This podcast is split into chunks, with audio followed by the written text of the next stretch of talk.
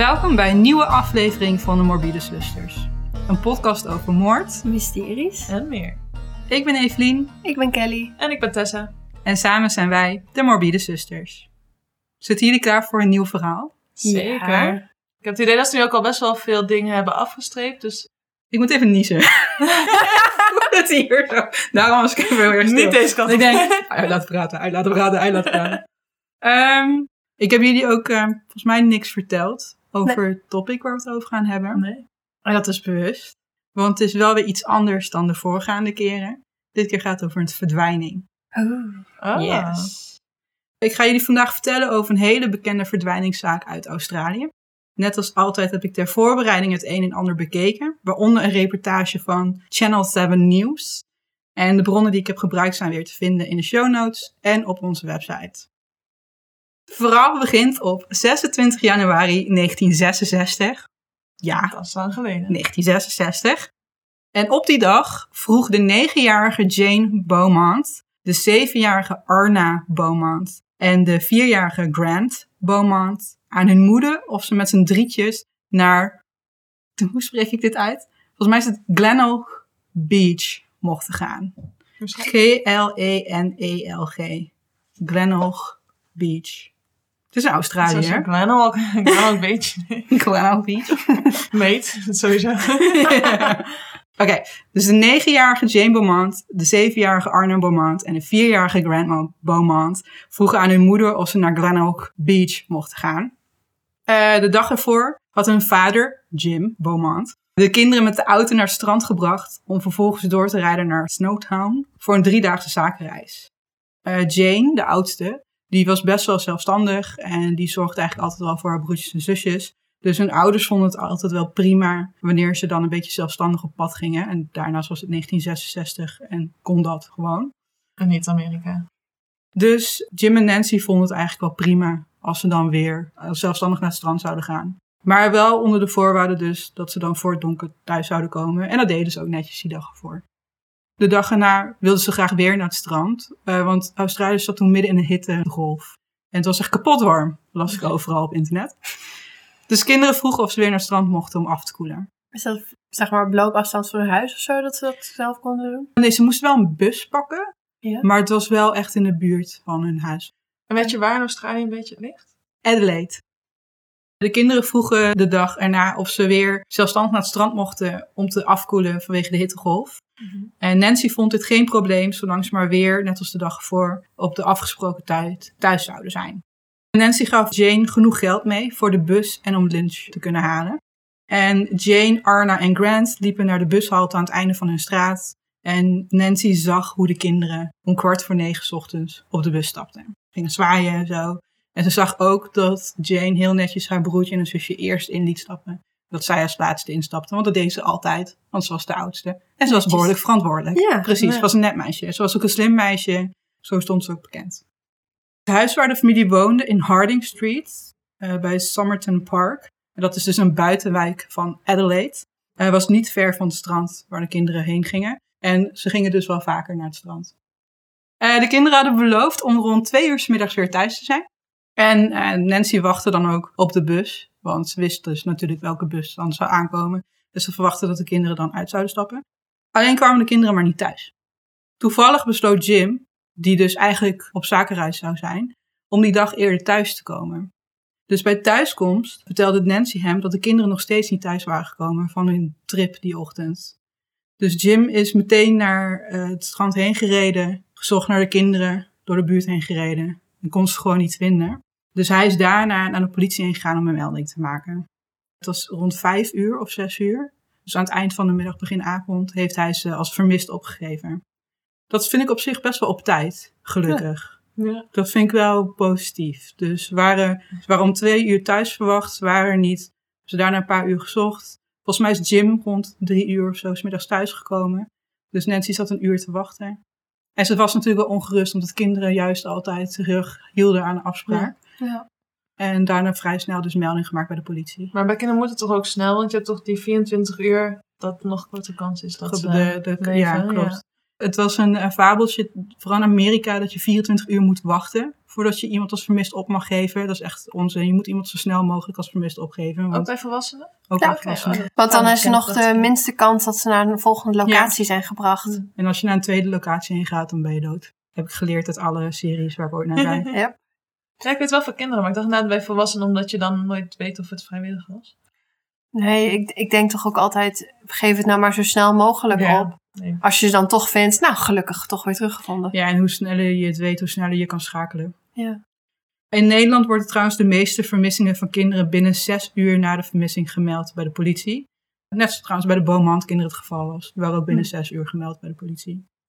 De politie heeft het meteen heel serieus genomen. Gelukkig. Ja. Heeft meteen uitvoerig gezocht naar de kinderen. Zeven dagen na de vermissing hebben ze vier keer uitgebreid het strandgebied waar de kinderen schijnbaar zijn vermist. Afgezocht in hoop wat te vinden. Uiteindelijk kwam de politie met drie verschillende theorieën. Eh, de kinderen waren ontvoerd. Ze hadden zich verstopt. Of er was een ongeluk gebeurd, bijvoorbeeld verdrinking. Hoe dan ook, de politie zette alles in om de kinderen te vinden. Ze waren er echt wel druk mee. Ze zochten land en water af.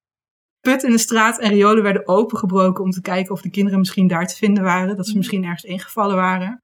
Het lokale haventje waar de boten lagen aangemeerd werd gedraineerd. Ah. Hele, hele klus. Ja. En ze hadden heel erg ja, toch de hoop dat als dat water lager kwam te staan, dat ze iets zouden zien. En zodra het water laag genoeg stond. Ja, tientallen politieagenten en agenten in opleiding zochten dus in het overgebleven modder. Maar het is echt helemaal niks. Wel echt goed trouwens dat ze dat meteen hebben gedaan hoor. Ja. Meteen eh, echt grondig aangepakt. Dus echt, de politie heeft echt alles uit de kast getrokken om de kinderen te vinden.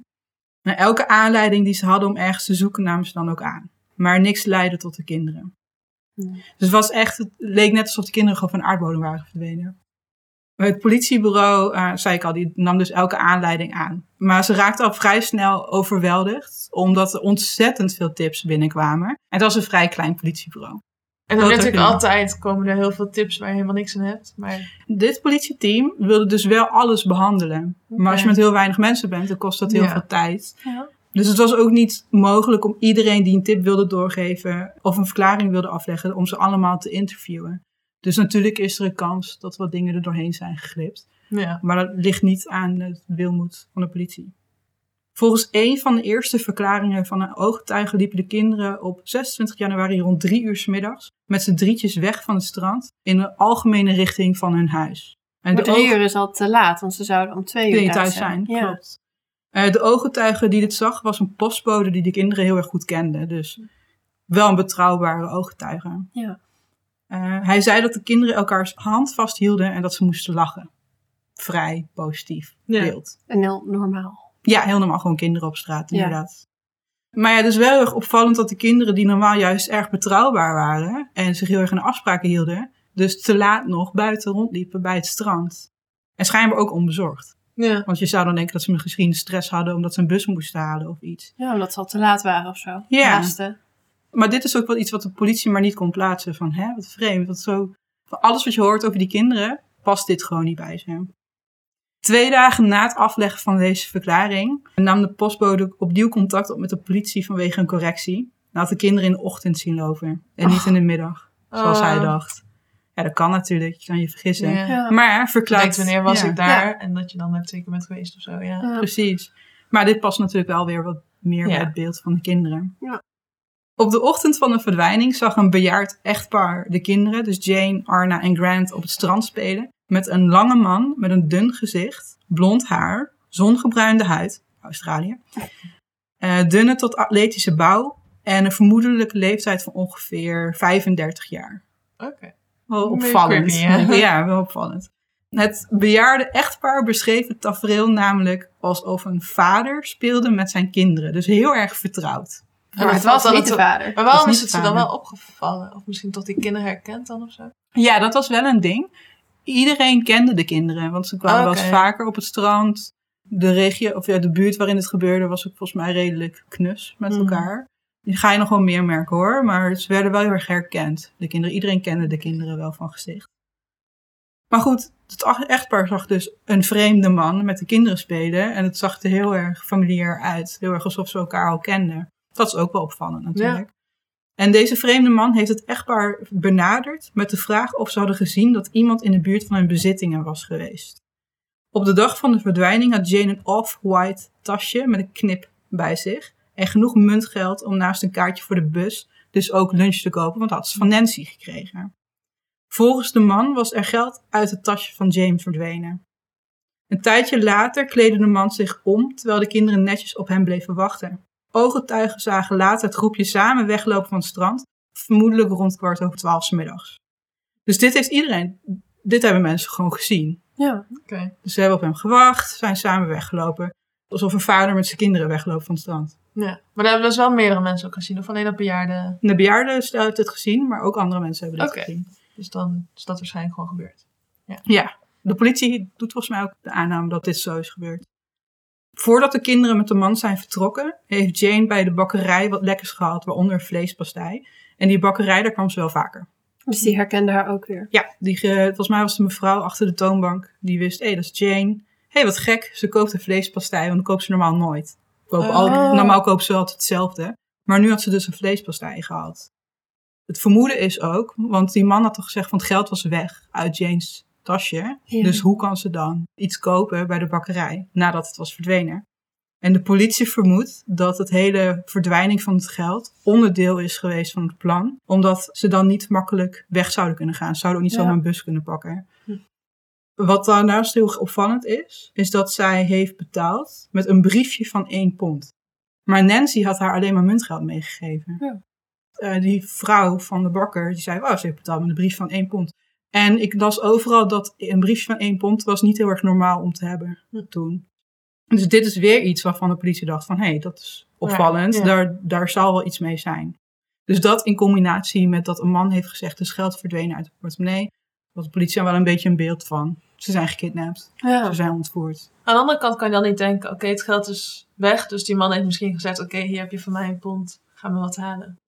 Dat kan, misschien, dat, het kan ook nog gewoon niet verdacht zijn, zeg maar. dat kan. Maar vind je niet heel raar dat er een vreemde man met drie kinderen die niet van hem zijn aan het spelen Ja, ja, nee, tuurlijk. Maar dan- weet- misschien is het wel iemand die ze kennen ergens van of zo. Nou, nu je dat zegt, want ze waren dus aan het spelen met hem alsof ze elkaar al kenden. Ja. Ehm, en dat is dus ook heel vreemd, want de kinderen zouden nooit met een vreemde zomaar meegaan of zomaar zo spelen. Ja. Volgens Jim en Nancy waren de kinderen ontzettend verlegen. En vooral Jane was heel erg verlegen. Dus dit paste ook helemaal niet. Kijk, ik binnen wou het zeggen, er zijn kinderen die niet zo zijn. Mijn nichtje wil bij iedereen logeren. Bij de cashier, toen we boodschappen gingen doen, dan wilde ze ook bij de cashier logeren. Dus het kan. Het kan. Maar goed, als het niet past bij de karakterbeschrijving van deze kinderen, Dan is het wel. dan is het heel erg vreemd. Dus de politie vermoedt daarom ook dat de kinderen de man al een keer eerder hadden ontmoet. En dat het voor hun dus geen vreemde was. En dat past ook veel beter bij de omschrijving dat ze aan het spelen waren als een vader met zijn kinderen. Ja. Precies. Achteraf gezien kan eh, Nancy een opmerking die Arna had gemaakt, kort voor de verdwijning, beter plaatsen. Oh. Want Arna had eh, namelijk het grapje gemaakt dat Jane een vriendje had op het strand. Nou, vriendje. Een beetje oud. Dus Nancy dacht dat het om een, gewoon een speelkameraadje zou Ja. gaan. Ja. Maar pas na de verdwijning dacht ze, ha, wel raar dat Jane in één keer een vriendje heeft op het strand. Want Jane is super verlegen, die maakt niet zomaar vriendjes. Ja. Dus, maar dat is pas achteraf, hè? Ja, Dat, dat je Ja. die link... Achteraf legt. is altijd makkelijker praten. Dan Ja. zijn opeens heel veel dingen heel logisch. Maar deze hele zaak was al vrij snel wereldnieuws. Ook omdat de politie het natuurlijk super serieus heeft aangepakt. Wat, Ja. wat goed is, trouwens. Maar ook drie kinderen. Tegelijkertijd. Ja. Maar dat vind ik ook een ding. Logistiek. dat is zo'n Kinderen ding. kunnen niet altijd de makkelijkste zijn. Dus als je er dan drie... Maar goed, als hij eh, eerst even... Hij heeft zo waarschijnlijk al Ja. dagen ervoor contact meegelegd en zo. Dus dan Dan gaat is het het Vertrouwen geleidelijk, gewonnen, geleidelijk ja. proces. Ja. Maar dit is weer zo typisch. Maar het was dus... eh, de zaak was best wel bekend. En weet je nog dat bij de Enfield Poltergeist... een Nederlandse medium Ja. aan het einde eh, een paragnost in beeld kwam? Weer ook met een hele leuke naam dit keer. In november 1966 kwam de Nederlandse paragnost Gerard Crozin, geboren als Gerard Boekbinder, aan in. Adelaide, in Adelaide om te helpen bij de zoektocht.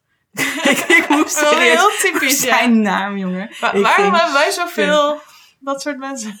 Geen idee. Ergens een opleiding in Nederland of zo. Dat eh. vermoeden heb ik bijna wel. Zij ergens, staat eigenlijk. ergens een kelder. waar ze gewoon uit worden gepompt.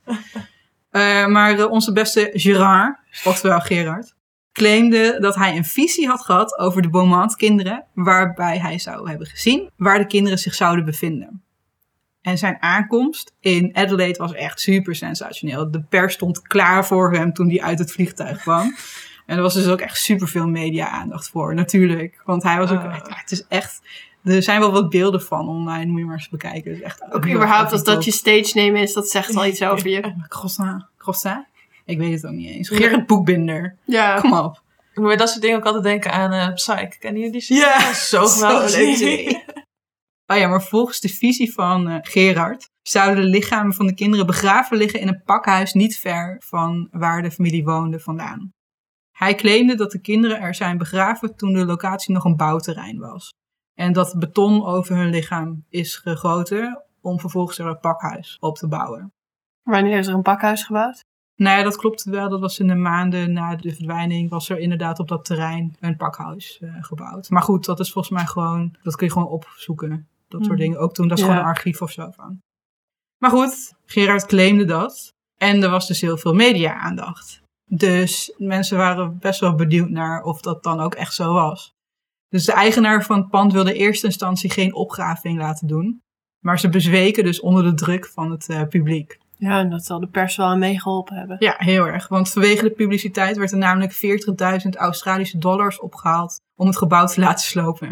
Ik wil net zeggen, dat ga je niet zo even Nee, er werd gesloopt. Nee, er werd gesloopt. Ja, er werd dus geen stoffelijk overschot of ander bewijsmateriaal gevonden. Wat een verrassing. Oftewel, Ik zou denken Oh. misschien als prognos juist dat je zoiits zegt, want dan denk je, oh, gaan ze toch niet kijken. dus je denkt, fuck, fuck, fuck. Ik denk dat hij toen al lang weer weg was. Dat hij echt zo even die bom dropt en dan later... Succes! ja. Maar dit was dus in eh, november en de kinderen waren dus in januari eh, verdwenen. Dus gedurende die tijd is van alles gebeurd, maar niks leidt tot de kinderen. Oké. En twee jaar na de verdwijning, in 1968, ontvingen Jim en Nancy twee brieven. De brieven zouden zogenaamd geschreven zijn door Jane en een man die claimde voor de kinderen te zorgen in de Australische staat Victoria. In de eerste brief werd gevraagd dat Jim en Nancy de man zouden ontmoeten voor een overdracht van de kinderen. Hier gingen ze op in en ze gingen naar de afgesproken plek, maar er kwam niemand opdagen. In de tweede brief verklaarde de man waarom hij niet was komen opdagen. En dat dat was omdat hij een detective had gezien die Jim en Nancy volgde. En daarom besloot hij om te vertrekken. Ehm, Hadden Jim en Nancy de politiedetective iets ingeschakeld? kon ik niks eh, over vinden. Maar ik vind het wel een hele. Kijk, dat is een hele logische aanname. Dus ik vind het een hele makkelijke claim om te Ja. doen. Ja, maar daarom wilde ik ook eigenlijk weten of die claim terecht was. Ehm, nou ja, in 1981 heeft een handschriftdeskundige die brieven van Jane dan bekeken. En die claimde dat ze authentiek waren. Dus dat ze echt van Jane waren. Maar dat is heel moeilijk. Ik heb daar laatst toevallig iets over gezien. Zelfs een handtekening van iemand kan binnen een jaar zoveel veranderen. Dat een handschriftdeskundige is altijd maar een beetje... Het is, het, het is en blijft giswerk. Nee, het Het is toch ook kan daarom een stem worden afgewezen in de VS. Als Ja. je handtekening Ja, klopt. klopt. Ja. debiel, maar goed, dat is een hele andere podcast. Maar het is, je hebt gelijk, Kelly. Dit is echt de grootste onzin ooit. Want later kwam er een nieuwe techniek waarmee je vingerafdrukken kon identificeren. En daaruit eh, bleek ook dat het gewoon een hoax was. En die persoon die dat heeft gedaan, heeft het ook toegegeven. Dus hoe erg voor schut sta je dan als handschriftdeskundige? Dat is de grootste bullshit ooit. Zoals ik al zei, politie nam natuurlijk wel elk draadje dat er kwam, namen ze aan. Of elk lijntje, want ze wilden gewoon die kinderen vinden. En er was gewoon niet zoveel wat ze konden doen, of wat ze konden vinden. Ik had dus die eh, documentaire gekeken, op die reportage. In die reportage was dus een forensisch criminoloog aan het woord. Dokter Xante Mallet. Zij vertelde in die reportage dat de persoon die achter de verdwijning zit, dit zou hebben gedaan vanwege macht en controle. Nou, dat lijkt mij vrij voor de hand liggend. Precies. Maar hier komt dat wat jij net noemde, dat drie kinderen zijn meegenomen. Dat doe je niet zomaar. Nee, en dan helemaal niet van een publieke plek. Dus de dader zal waarschijnlijk charismatisch zijn geweest, maar een gebrek aan empathy hebben gehad. Obviously. Ja, anders doe je zoiets niet. Het zou om een kil en gecalculeerd persoon zijn gegaan, maar hij moet er wel benaderbaar uit hebben gezien, want anders zouden de kinderen nooit met hem mee zijn gegaan. Eh, op basis van de beschrijving, want er waren best wel wat eh, ooggetuigen die de kinderen op een bepaald moment ergens konden plaatsen. Meerdere mensen hebben die man dus ook zien lopen, die vreemde man die bij hem mee was. Ja. En op basis daarvan is er een eh, politieschets gemaakt. Dat zie je wel altijd bij dit soort eh, zaken. Maar het is altijd maar de vraag of dan de echte dader daadwerkelijk lijkt op de politieschets. Want Ja. het blijft altijd heel lastig. Daarnaast ook iemand te herinneren is ook best lastig. Is ook Ja. heel lastig. Heb je de politieschets gezien? Ja, hij komt te staan op onze Wel website. Eh, dus in de loop der jaren waren meerdere mannen die werden verdacht van betrokkenheid met de verdwijning. En dit waren allemaal mannen die zijn opgepakt voor het vermoorden en of misbruiken van kinderen. Dus het zijn allemaal mannen die al in het systeem stonden. Een van deze mannen is zelfs terug te zien in de videobeelden van het draineren van het haventje. Oh, Ja. interesting. Want dat zie je toch inderdaad vaak dat ze komen kijken. Dus hij keek toe hoe dit gebeurde. En hij leek ook nog eens redelijk op de politieschets. Dus dit was voor best wel veel mensen een, oh, interesting. Ja. Maar ook dat liep uiteindelijk op niks uit. De verdachte die uiteindelijk het meest leek op de politieschets was Harry Phipps. Phipps was naast miljonair, fabriekseigenaar en hij was ook vader van twee kinderen. Hij woonde niet alleen vlakbij het strand waar de kinderen van zijn verdwenen, maar ook vlakbij de bakkerij waar ze dat lekkers hebben gekocht. Zij woonde in het kort, hij woonde gewoon op een steenworp afstand eh, Ja. van de plek waar de kinderen voor laatst zijn gespot. Wat echt de officiële laatste, laatste keer is dat ze zijn gezien. Zeg maar. Vanaf dat moment zijn ze nergens meer te plaatsen. Niet lang voordat Harry Phipps kwam te overlijden, besloot Hayden, de zoon van Harry, om geïnterviewd te worden door rechercheur Bill Hayes. Haydens vrouw, Angela, vond namelijk dat Hayden naar de politie moest stappen nadat ze een uitzending op tv had gezien over de verdwijning van de Beaumont-kinderen. En tijdens de uitzending had Hayden tegen zijn vrouw de opmerking gemaakt dat hij altijd heeft gedacht dat zijn vader betrokken was bij de verdwijning.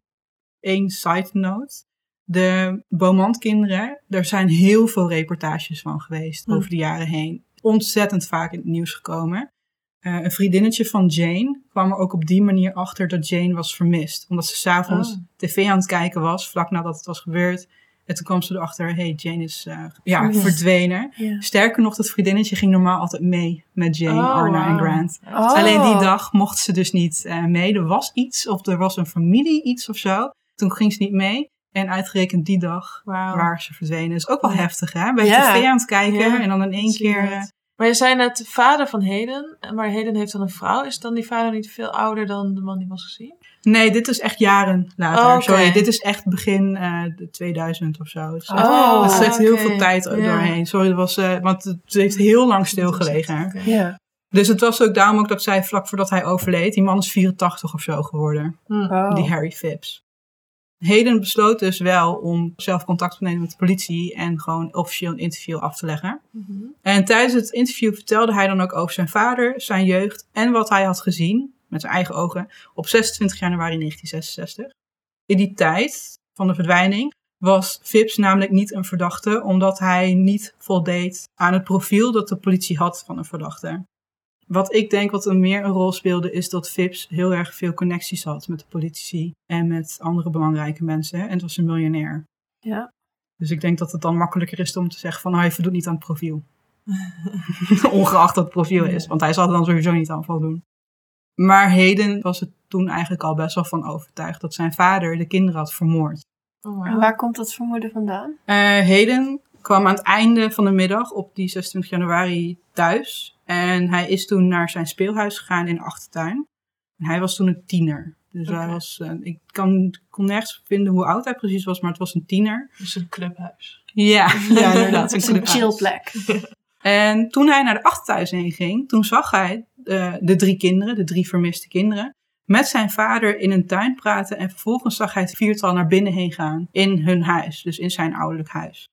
Een tijdje later besloot Heden ook om naar binnen te gaan. En zag hij dat de voordeur wagenwijd open stond. Dus hij deed meteen de aanname van, oh, die kinderen zullen wel vertrokken zijn door de voordeur. En heeft er verder niet meer bij stilgestaan.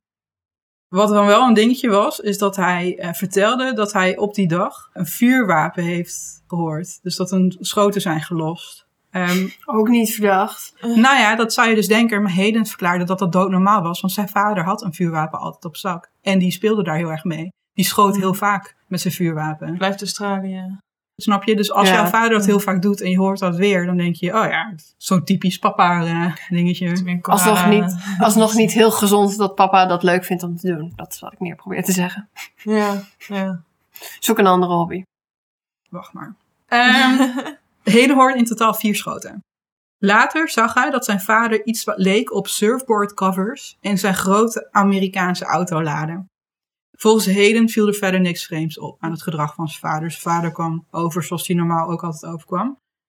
En eigenlijk ging Hayden er ook... Ja, die vond het sowieso niet vreemd, want hij dacht dat die kinderen door de voordeur waren vertrokken. Dus Ja. ja. was nog niet echt een connectie voor hem. In hetzelfde interview met eh, Bill Hayes vertelde hij dat hij vroeger ontzettend bang was voor zijn vader, aangezien Harry een ontzettend gewelddadige man was. Nou, hens, hens dat vuurwapen zijn favoriete speeltje was. Dus Harry had altijd een vuurwapen op zak. Dus het was ook dreigend. Hm. Hij kon je elk moment wat doen. Ik denk Ja. dat dat ook de reden is dat hij altijd iets op zak had. Eh, hoe meer Hayden vertelde over zijn jeugd en zijn vader, hoe beter een beeldje krijgt van Harry Phipps als eh, man. Harry, Beter als een helderder en niet beter als beter van hem. Hoe meer verdacht. Dus Harry, Hayden vertelde over zijn eigen jeugd en wat zijn vader allemaal met hem deed, maar hij vertelde ook over de jeugd van zijn vader. Dat schijnt ook behoorlijk zwaar te zijn geweest. Phipps moeder forceerde Harry vroeger, toen hij klein was, om vrouwenkleding te dragen. Wat ertoe heeft geleid dat hij als volwassene een fetish had voor vrouwenkleding. En dan heel erg specifiek satijnen jurken. Oké. Hij, wer- hij wordt dan ook de Satin Man genoemd. Als klein jongetje kan Hayden zich herinneren dat hij s'nachts vaak wakker werd van het geluid van bewegend satijn. Want dat maakt zo'n heel specifiek geluid, toch herken Ja. je meteen. Ja, verschrikkelijk als dekbed, maar Inderdaad, als pyjama ook om, eh, dan rol je sowieso zo je bed uit. Maar het is voor Hayden ontzettend traumatisch. Want als hij dat geluid hoorde, dan wist hij dat zijn vader zijn kamer binnen zou komen om hem te misbruiken. Oh, die twist had ik even niet. eh. Ja. Hayden eh, vertelde aan de regisseur dat hij van zijn achtste levensjaar tot en met zijn veertiende drie keer per week werd misbruikt door Harry. Nee, maar- En het misbruik stopte pas toen Hayden fysiek sterk genoeg was om zijn vader te overmeesteren. Zo. En dit keer zonder trigger warning. Oh ja, maar het misbruik stopte dus pas toen Hayden zijn vader kon overmeesteren. Dat kwam ook omdat Harry de moeder van Hayden wat aan wilde doen. En Hayden was er maar klaar mee en die is zijn vader overmeesterd. En daarna was het gewoon Oh, done. En ik denk dat voor Harry dat een bevestiging was van, oh, aangezien het om controle en macht gaat. Ja, en als je dat niet meer, niet meer hebt, dan eruit kan halen. interessant. En dan houdt het ook gewoon op. En dan was het ook niet dat hij te oud was? Eh, hij was 14 toen het stopte. Oké. Hm. Maar ja, ik denk dat Hayden gewoon fysiek te groot eh, en te sterk was. Ja. Oké, dus eh nou, Hayden verklaarde al van, ja, dat deed mijn vader met mij. Dus dat is al een behoorlijk beeld wat je nu hebt van Harry Phipps. Maar het blijft niet alleen daarbij, want eh, naast het misbruik van zijn eigen zoon, heeft Phipps ook de 14-jarige Linda misbruikt. Eh, Linda heeft pas heel laat hierover gesproken, want ze schaamde zich natuurlijk heel erg voor. Mhm. Wie was Linda in relatie tot Vips? Mijn vreemde. Linda heeft eh, tot een paar jaar geleden dus nooit publiekelijk gepraat over wat er met haar is gebeurd. Maar in 1979, dus wel echt jaren nadat de Beaumont-kinderen zijn verdwenen, werd zij verkracht door Vips in de buurt van zijn fabriek, want hij was dus fabriekseigenaar. Haar beste vriendin woonde namelijk vlak daarbij in de buurt. Op de dag dat het gebeurde, liep zij in haar schooluniform weg van haar beste vriendin, onderweg naar haar eigen huis. En het was echt maar drie minuten lopen, dat stukje. Het was heel dichtbij. Maar in dat stukje kwam zij dus Harry Phipps tegen. En hij begon eerst met een praatje met haar te maken. En hij liep een stukje met haar mee. Kijk, zij dacht van, oh ja, weet je, zal wel. Want het was ook een nette man, zag er heel netjes uit. Hij rook ook heel erg fris en zo. Hij was miljonair. Dus zij maakte zich totaal geen zorgen over dat deze man met haar meeliep. Ze maakte zich meer zorgen over dat ze bijna te laat thuis zou komen. En eh, hoe boos haar ouders wel niet zouden zijn als het te laat zou zijn. Ze vertelde in haar eh, verklaring later ook dat er echt helemaal niemand in de buurt was. Er was echt helemaal niemand op straat. En ze kan zich nog heel goed herinneren eh, hoe schoon hij dus was en hoe, hoe goed hij rook. Want dat wekte dus compleet haar vertrouwen. Hm. Maar goed, hij begon dus met een praatje met haar. Maar het duurde niet lang voordat hij haar eh, begon te misbruiken. Nadat hij klaar was met het misbruik, gaf hij haar de schuld omdat haar kleding vies was. En nu was zijn kleding ook vies. Wat trouwens heel dom is, want hij heeft haar wat aangedaan waardoor haar kleding vies is geworden. Anyway. Dus ze durfde haar vader niks te vertellen, omdat ze ervan overtuigd was dat hij ook tegen haar zou zeggen dat het haar schuld was. Oh, Dus Linda heeft, eh, eh, Linda heeft dus nooit geweten wie de man was die dit haar heeft aangedaan. Totdat ze jaren later tv keek en er een reportage was over de Beaumont kinderen, waarin een foto van mogelijke dader Harry Phipps werd laten zien. En toen ze de foto op tv zag, toen herkende ze hem meteen. Oh, heftig ook. Ja. Ja, wat ik hier uithaal is dat het dus wel heel goed is dat er heel vaak van dat soort uitzendingen zo zijn. Van Ja. dat soort Ja. cases. moet je gewoon regelmatig herhalen, want het leidt wel weer tot nieuwe dingen. Oké, dus ehm, in de loop der jaren werd dus al wel wat meer de connectie gelegd met Harry Phipps. En weet je nog dat ik zei dat Jane op de dag van haar verdwijning een off-white tasje bij zich had met een hele grote knip erin? Ja. In de kelder van Phipps zag een politieagent die onderzoek deed dus naar een mogelijke connectie tussen hem en de kinderen. Een off-white tasje met een hele grote knip liggen op een plank vol met andere tasjes. En de andere tasjes waren allemaal nieuw. Dus het tasje waar het zijn oog op viel, viel heel erg op daardoor. Want het was een heel erg gedateerd tasje. En dat klopt ook wel, want het was echt tientallen jaren later natuurlijk. Dus na vertrek nam de politie meteen contact op met een collega om te zeggen van ik denk dat ik iets heb gevonden, we moeten hier, eh, hier moeten we verder naar kijken. Eh, de volgende dag kwam hij dus terug om eh, met de vrouw van Phipps te praten. En de agent die bracht het tasje op, maar Phipps vrouw claimde meteen dat zij het tasje een week eerder had gekocht. En waarop de agent vroeg waarom het dan op een plank in de kelder ligt, Ja. Ja. als je het een week geleden hebt gekocht. En wat heb je dan in die weken mee gedaan dat het er Ja. zo uitziet? Ja. ja. Ja. Of je hebt een vintage gekocht. Oh, maar. Dat kan, maar het is toch heel raar van ik heb vorige week gekocht, dus waarom ligt er dan een fucking Ja. kelder? Oké, maar eh, nou ja, toen die agent dat dus opbracht, toen kapte de vrouw van Phipps meteen het eh, gesprek af en verzocht ze de agenten om haar huis te verlaten. per dag. Ja, dat is ook wel opvallend. Dit is ook jaren nadat de Beaumont-kinderen waren verdwenen, viel ook het kwartje van een mogelijke connectie tussen Phipps en de verdwijning bij David Harkin. Toen David en zijn broer jong waren, deden ze vaak betaalde klusjes voor verschillende mensen. En een van deze mensen was een eh, goed geklede zakenman die hun geld zou betalen voor het graven van een specifiek gat in het weekend na 26 januari 1966 op een bedrijventerrein. Hoezo sowieso zo'n klus? hey, eh, Tessa, wil jij een gat voor mij graven? Heel specifiek daar? Ongeveer Zo groot? Ja. Echt zo diep. ja. Ehm, feet oh, of zo, toch? Het, Dat is, eh, dat is eh, helaas niet... eh Oh. Hoeft niet. Oké. het gat moest 2 meter lang zijn, 1 meter breed en 2 meter diep. De man, Phipps, drong erop aan dat het echt precies die afmetingen moest hebben. Want hij zou daarna ook nog even met zo'n meetlintje kijken. Nou, ik denk dat eh, Harry Phipps dat serieus nog wel zou kunnen doen. ja, dat zo, zo klinkt hij het voor mij eh, wel een klein beetje. Ehm, David kan zich herinneren dat hij zich tijdens het graven best wel zorgen maakte. Eh, de fabriek was namelijk gesloten dat weekend, dus er was wederom helemaal niemand als er iets zou gebeuren waar je hulp bij kan zoeken of aan kan vragen. En als er iets mis zou gaan, dan zou niemand het dus kunnen zien. Nee. Dus eh, niet een hele veilige positie om je in te bevinden. Ze waren volgens mij op een zaterdagochtend direct dus eh, in het weekend na de verdwijning begonnen met graven. En op zondagavond waren ze klaar. En toen kregen ze betaald met een briefje van 1 pond. Ja, dit was dus best wel een ding, want Vip stond er onbekend dat hij altijd briefjes van 1 pond op zak had. Maar dat wist ook echt iedereen. Van, Maar oh, dat is dan ook een statusding. Want net Ja. als in Engeland zie je bijna nooit briefjes van 50 pond. Dus het hebben daarvan is wel echt een status. Ja, dat is, maar dat is het ook. is ook handiger in de stripclub, briefjes. Van één. Absoluut. Ehm, maar goed, dus heel erg opvallend gezien dat Jane op de dag van de verdwijning ook betaalde met een briefje van 1 pond die ze niet van haar moeder had meegekregen.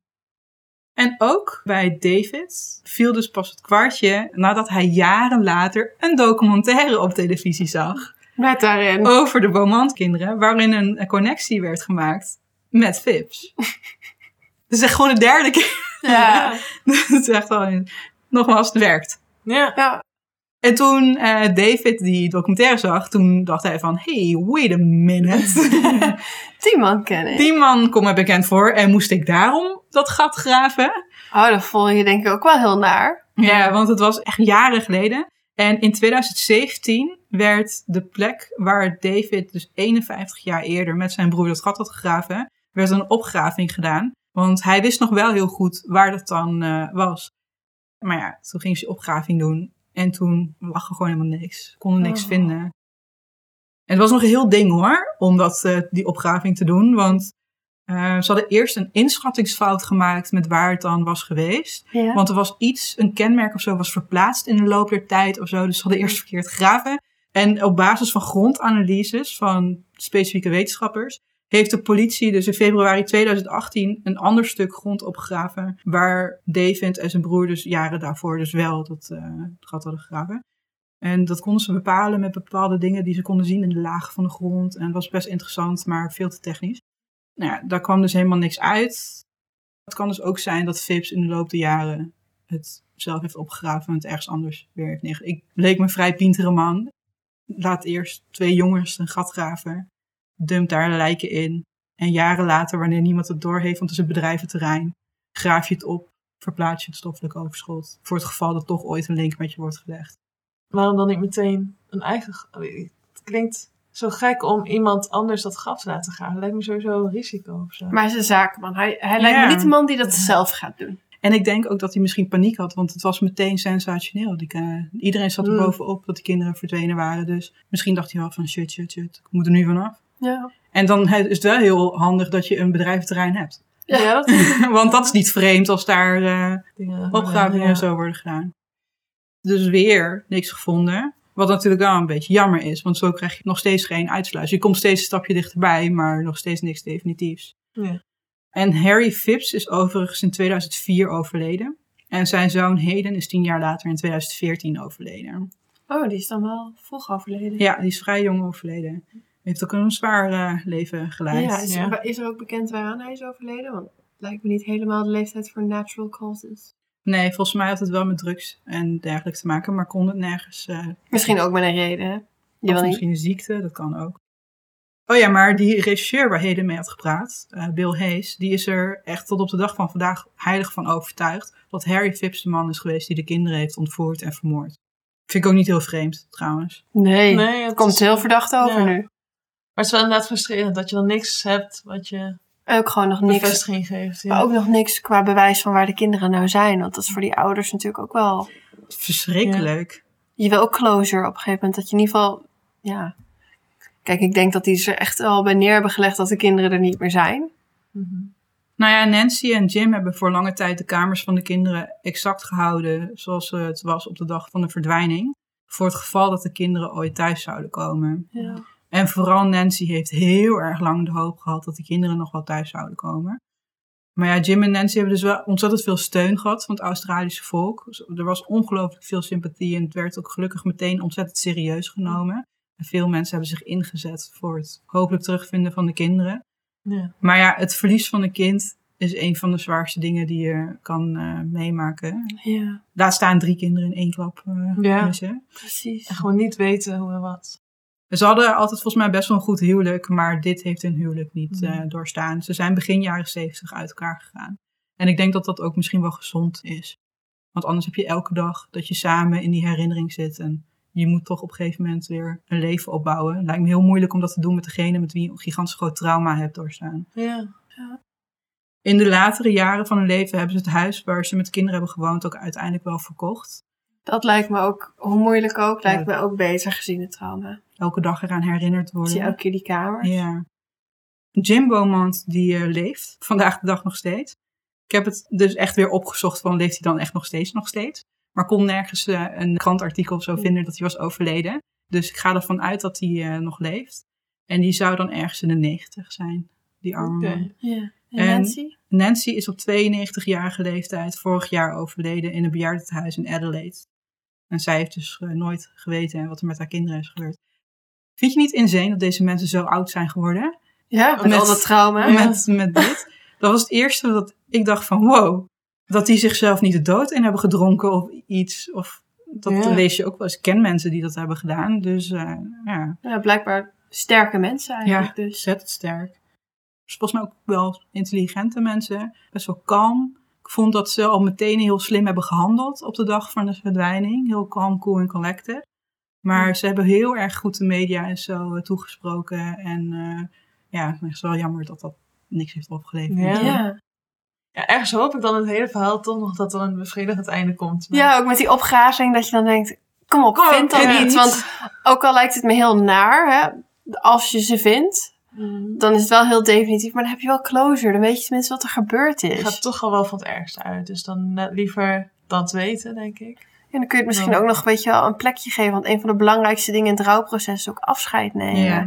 Hè, dus als jij ze nog, als ze nog de, de eh, hoe heet dat in Nederlands, remains. Stoffelijk overschot. Stoffelijk overschot, dank u wel. Als ze die vinden, dan kun je ook nog zeggen van nou, we willen gewoon op, op Ja. eigen termen nog een afscheid nemen, uitvaart, et cetera. Maar ik snap daarom wel dat ze juist de kamer zo lang mogelijk intact hebben gehad. Want dat zou dan wel een plek zijn Precies. geweest voor de kinderen. Dat, om dan even aan hun te denken of iets. Tenminste, dat lees ik best wel vaak over ouders die hun kind Mhm. verliezen. Dat je heel lang de kamer eh, intact houdt. Ja. Eh, maar het lijkt me ook logisch, want de kamer is zo persoonlijk. Ja, Ja. het lijkt me ook zo naar om dat dan op een gegeven moment op te gaan ruimen. Dat is pas definitief inderdaad. Ja. En wat ga je dan doen met die kamer? Je gaat ook geen fitnessapparaat of zo neerzetten. Het is Ja. heel be- bezwaar. Ik weet niet meer precies, maar ik weet dat ik vroeger kende ik iemand en die is zijn zusje verloren. En die vertelde ook dat ze inderdaad nog heel lang de kamer zou hebben gelaten. Ja. En die had ook in de woonkamer een heel mooi kastje met allemaal dingen van haar. Om toch nog ook om Ja. haar te kunnen denken. Ja. Ja. Maar dat moet ook wel, toch? Want het moet wel onderdeel blijven van de familie. Ja. Ja. Maar de, eh, Nancy en Jim, die hadden een, eh, iets anders. Want ik had dit expres bewaard voor aan het einde. Maar een eh, paar nachten voordat de kinderen verdwenen, heeft Jane een briefje geschreven aan haar ouders. Lieve papa en mama, ik sta op het punt om naar bed te gaan en het is negen uur.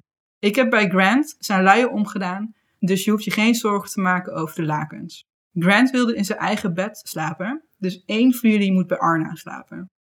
Hoewel jullie de slaapkamer niet in goede conditie zullen vinden, hoop ik dat jullie het net zo comfortabel vinden als wij. Welterusten, Jane. PS. Ik hoop dat jullie een leuke tijd hebben gehad waar jullie waren. PPS. Papa, ik hoop dat je niet erg vindt dat ik je radio heb meegenomen naar mijn slaapkamer. Oh, dat is wel echt heel erg lief. Maar ik vind het zo tekenend voor hoe Ja, Eh, Jane wordt omschreven. Ja. Daarom, als je dit toch leest, dan snap je toch meteen wat er wordt bedoeld. Helemaal aan het begin van Dat, dat buiten karakter. Sommige dingen waren dat ze spelen met zo'n man en dat Ja. soort dingen. En dus het wel Ja. toevertrouwen dat ze wel gewoon gaan. eh, Ja. Ja. Die lopen niet zomaar met iemand mee als die zegt van... Hé, hey, eh, Nee, als je zo wil je verantwoordelijk me... bent. Ik heb eh, puppies in mijn achterbak, wil je naar kijken? ja, je hebt ook kinderen die denken, puppies? Ja. Ik weet nog, dan moest ik laatst aan denken dat eh, gewoon natuurlijk zonder erbij stil te staan dat het zoveel effect had hebben. Volgens mij mijn ouders vroeger wel eens gezegd. Als een vreemde man je aanspreekt of eh, je mee wil nemen of wat dan ook, moet je naar het eerste beste huis gaan en daar aanbellen. En ik weet nog wel dat ik eigenlijk vanaf toen, dus dat ik heel klein was, altijd als ik dan ergens liep, waar niet direct huizen waren, toch altijd even sneller liep tot ik weer bij huizen was. Gewoon omdat het dan zo erin zat, dat ik dacht van, oh, ik moet in de buurt van een huis zijn voor als er iemand komt die... Maar Dat is zo gebeurt, ja. sick eigenlijk dat je dan van zo jong af aan er al zo mee bezig bent. Van, oh, dat kan iemand zijn die... En toch vind ik dat het lastig, want daar lees je natuurlijk ook heel veel over in Amerika. Dat ze mensen heel erg bang maken voor stranger danger. Ja. Terwijl het statistisch gezien vaker een bekende is. Ja, en waarschijnlijk heeft mijn moeder ook helemaal niet, of mijn vader, ik weet niet precies wie toen zei, bedacht dat het iets zou zijn wat dan zo erg in mijn hoofd zou Nee. vastklikken van... Ja, maar Ja. aan de andere kant denk ik ook, het is heel normaal ook iets wat wij als vrouwen nu nog Ja. steeds op de dag vandaag ons druk over maken. Nee, maar ja, precies, maar dat ik besef dat het dus echt al zo jong erin zat. Ik, ik zorg ook altijd s'avonds dat ik of naar huis gebracht word, of met iemand loop, of met iemand bel. Of in ieder geval de route loop waar ik de meeste kans heb dat er toch nog mensen, In de buurt auto's... van huis waar kan aanbellen. Ja. Ja. Ja. Oh ja, ik ben altijd wel heel erg bewust van mijn omgeving. Ja. Ja. En waar, eh, weet je wel, wat zijn mijn, eh, mijn vluchtroutes? Ja. Maar ja, als kind heb je dat natuurlijk binnen. Tenzij je ouders je erop attenderen. Dat een ding is waar je bewust van ik kan wel zijn. voorstellen dat Jay misschien wel weet van, oh, je mag niet, inderdaad niet zo met vreemde mannen praten of wat dan ook. Ik denk het inderdaad Ja. wel. Ik denk Dus dan dat, ben ik wel ja. benieuwd hoe dat dan is ontstaan, dat toch zo'n vriendje van 35 dan Ja. contact met ze krijgt. Ik denk zelf, want dit is gewoon pure speculatie. Maar ik denk dat hij, eh, want hij woonde natuurlijk heel erg dichtbij. Dus hij zal de kinderen wel een paar keer eerder hebben gezien. En het is gewoon een eh, predator. En die zal wel hebben gedacht van, nou, gewoon eerst mee praten.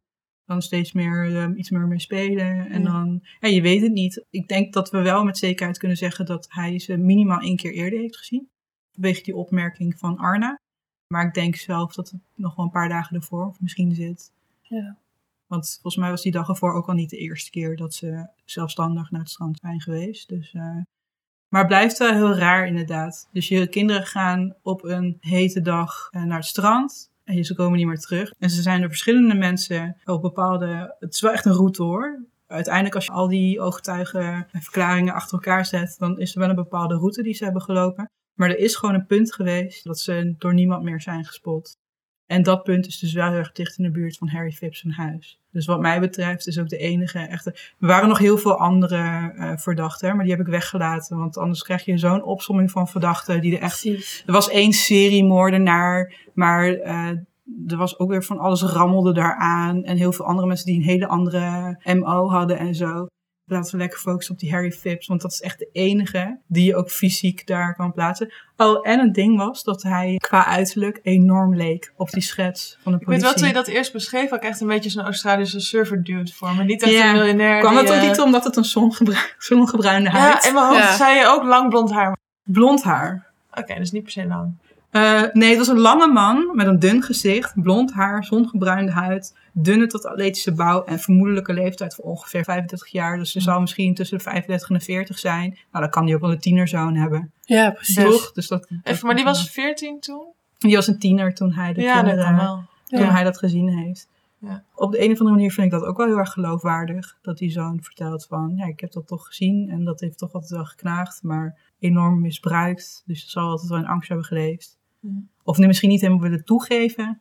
Ja. Nee, maar dat die zoon ook niet zo oud is geworden, dat zegt misschien ook wel wat. Ja, het naarste blijf ik nog steeds vinden dat er gewoon nog steeds, weet je, ook met, dat zie je soms ook dat door moderne technologieën je toch beter bewijs kan vinden of met DNA en zo. En hier is gewoon nog steeds helemaal niks. Helemaal niks. Inderdaad, dan heb je zo'n stomme paragnost die dan ook nog even denkt, Ja, nou moet je een opgraving doen. Die was ik alweer helemaal vergeten. want je vindt, je vindt altijd iets. Ik had laatst ook een heel stuk was ik aan het lezen over een case van twee jongens en die wilden eigenlijk samen de perfecte moord eh, plegen. En toch zijn ze betrapt. Terwijl ze waren hele slimme jongens die wel echt samen van plan waren we gaan de perfecte moord plegen. En dan denk ik, hoezo kan in zo'n case dan nog steeds niks gevonden worden? Was er bij die perfecte moord wel een lichaam die gevonden werd? Want, dat, want hier heb je het gewoon Ja, geen dat is het. Als ja. je geen, dat was geen het toch? No body, je no crime. Ja, dat is no het body, no murder weapon. Wat was het ook weer? How to get away with murder? Is er nog een kans dat ze gewoon zijn verdronken, dat ze in de zee zijn gesleurd? En ik bedoel, dan vind je ze natuurlijk ook niet per se meer terug. Dan zegt bij mij meteen mijn onderbuikgevoel dat ik de kinderen er niet voor aanzie om zo ver de zee in te gaan. Ja, of dat Weet je wel? Wat was ja, nou het laatst is op een bepaald punt. Ik heb het zelf meegemaakt. Ik ben een keer door onderstroom meegesleurd in Bulgarije in de zee. Ik ging echt kopje onder en meters verder kwam ik weer boven. Oh, en ik, kan, ik ben een sterke zwemmer. Maar dat was op een bepaald punt. Nu moet ik er eerlijk bij zeggen dat ik de rode vlag had genegeerd. Die er- Kijk, even Ja. maar kijk, in Bulgarije kan bijna niemand zwemmen. Dus er hangen daar altijd rode vlaggen. En toen Ja, dacht ik, je er maar uit. Ja, ja, ik ben ja. een Nederlander, ik kan zwemmen. Maar er is wel een bepaald, want het gaat goed, goed, goed, goed, totdat het niet meer goed gaat. Ja. En ik heb ergens het gevoel, ze waren negen, zeven en vier. Nou, ik denk dat Grant al helemaal niet het water eh, in Nee. mocht. En ik denk als Grant het water al niet in mocht, Dan gaat Jane dat die ook niet zonder haar. die, die gaan denk ik alleen maar met de voetjes zo door Mhm. het eh, water, denk Ja. ik. Ja, oké. Maar dat En heeft wel daarnaast, gelijk eh, hoor. Als en ze erin daarnaast- zijn gaan, kan het. lichamen drijven. In het begin kan je wel onder water gaan. Maar als je in de fase van Ja. decomposition zit, komen er allemaal gassen vrij, Ja. waardoor je gaat drijven. Dus als je ook een lichaam onder water wil houden, zul je het moeten verzwaren. Dan is het ook inderdaad drie lichamen. Als inderdaad dan eentje misschien toch nog ergens, weet ik veel, vast blijft haken of ergens in het Ja. midden van de oceaan terechtkomt, dan kan je nog voorstellen. Maar, als Maar dat kan niet met drie ik heb het gevoel dat, de, want de politie, alles wat ik las over deze zaak, heeft de politie ontzettend grondig gezocht. Ja. En op het land en in de, de zee. En als je al hoort dat ze dat eh, haventje hebben gedraineerd, denk ik echt dat ze dat echt wel hebben uitgestoten. En op een gegeven moment was de politie behoorlijk van overtuigd dat het om een kidnapping zou zijn gegaan. Ja. Maar is ook niet heel vreemd als er meerdere ooggetuigen zijn die een man met de kinderen zagen op een bepaalde route en ineens waren ze er niet meer. Ja. Want dat zou inderdaad niet verklaren waarom ze dan op het laatste moment ergens op straat zijn gespot. Ja, Hoe zouden ze dan in de zee zijn eh, Ja. verdwenen? Dat is waar. Sneu voor de ouders, hè? Ja, verschrikkelijk. En Nancy is gewoon zonder antwoorden doodgegaan. Voor mij persoonlijk is Harry Phipps de enige echte hoofdverdachte in deze Ja. zaak. Voor, maar omdat steeds meer in de loop der jaren, naar aanleiding van een documentaire over reportage, Ja, dat is ook al een slecht teken dat heel veel mensen hem dan zien en denken: hé, hey, die man. het hem met Ja. zijn eh, briefjes van één pond. Wat een douche. Maar wel jammer dat er dus nooit antwoorden zijn. Ja. Of ja, niet harde bewijzen. ja. Oké, dus dit was het verhaal over de Beaumont-kinderen. Wat nemen jullie nou mee uit dit verhaal? Ik vond dat we net al een mooie conclusie hadden. Dat het zo heftig is dat die, dat die ouders eigenlijk geen antwoorden hebben. Dat, dat, dat gevoel zit ik nu nog heel erg mee. Wat ik persoonlijk heel erg uit meeneem, is dat het heel ontzettend belangrijk is om dit soort verhalen continu weer terug te laten komen. Zowel in eh, documentaires, maar ook in podcast. Maar ik vraag me dan wel ook af hoe dat dan toch is voor die ouders. Want juist omdat het dan Ja. zo onbeantwoord blijft, blijft waarschijnlijk al zoveel van jouw aandacht vragen dat je de hele tijd toch daarmee bezig blijft. En als het dan ook nog gevoed wordt, ik kan me wel voorstellen dat het dan nog moeilijker is om afstand Ja. ervan te nemen. Ik weet ook niet of je dat wil, ik heb geen idee. Het zal altijd deel van je leven Ja. blijven. Ja, tuurlijk. Maar of je dan misschien op een gegeven moment toch verder wil met leven en dat het sowieso al moeilijk is en dan misschien nog moeilijker. Maar geen idee. Misschien is het ook wel juist fijn dat het niet vergeten wordt. Ik Ik denk dat dat laatste, voor te stellen. Ja. ik denk dat het laatste ook echt wat, wat ik vaker lees over verdwijningen van kinderen, dat, is dat ouders er heel erg om moeten vechten dat het in de media Mm. blijft. Ja. Eh, want dat is natuurlijk de enige manier om nieuwe leads te kunnen krijgen. Dus Ja. ik denk dat het heel erg confronterend is, maar ik denk dat het ook, ja, natuurlijk zul je misschien ook wel elke keer weer de hoop hebben van, oh, er is een uitzending geweest. Ja. Ja. Dus misschien is er iets. Maar ja, het mooie is in dit geval dat het dus wel tot wat dingetjes heeft geleid. Dus Ja. Nancy is inderdaad overleden zonder te weten wat er echt met haar kinderen is gebeurd. Maar ik denk dat zij op het einde wel bij neer moet leggen van dat heeft hij dan gedaan. En die man die is jaren voor hun overleden. Ja. Ja. Maar het is dus best wel een onbevredigend einde voor een behoorlijk grote zaak. Grote verdwijning met drie kinderen in één keer. Maar ik denk dat we wel alles erover gezegd hebben wat wij er op dit moment over kunnen zeggen. Luister naar onze podcast in Apple Podcast en vind je het ook tof en wil je meer horen, dan laat vooral een 5 sterren review achter, want dat helpt ons gewoon heel erg. Door extra luisteraars te trekken. En sowieso, eh, hoe meer mensen je over ons vertelt, hoe, hoe langer wij door kunnen gaan. ja, en we zijn natuurlijk ook te vinden op social media. We hebben Instagram, Facebook en Twitter. Dus volg ons daar vooral en geef ons likes. Op Instagram en Facebook kun je ons vinden als De Morbide Zusters. En op Twitter is het Morbide Zusters. Want De Morbide Zusters, was die daar al bezet? Of? Ik kreeg een foutmelding. Dus toen ging ik voor Morbide Zusters. Maar gelukkig hebben we een website die wel demorbidezusters.nl heet. En op onze website kan je elke aflevering vinden, inclusief het script. En ook alle show notes, inclusief alle bronnen die ik elke keer gebruik. En de schetsen ga ik zo even bekijken. Dit waren de Morbide Zusters. Tot, Tot de volgende, keer. Ja, dit keer zei ik hem wel mee, jongens. Ja.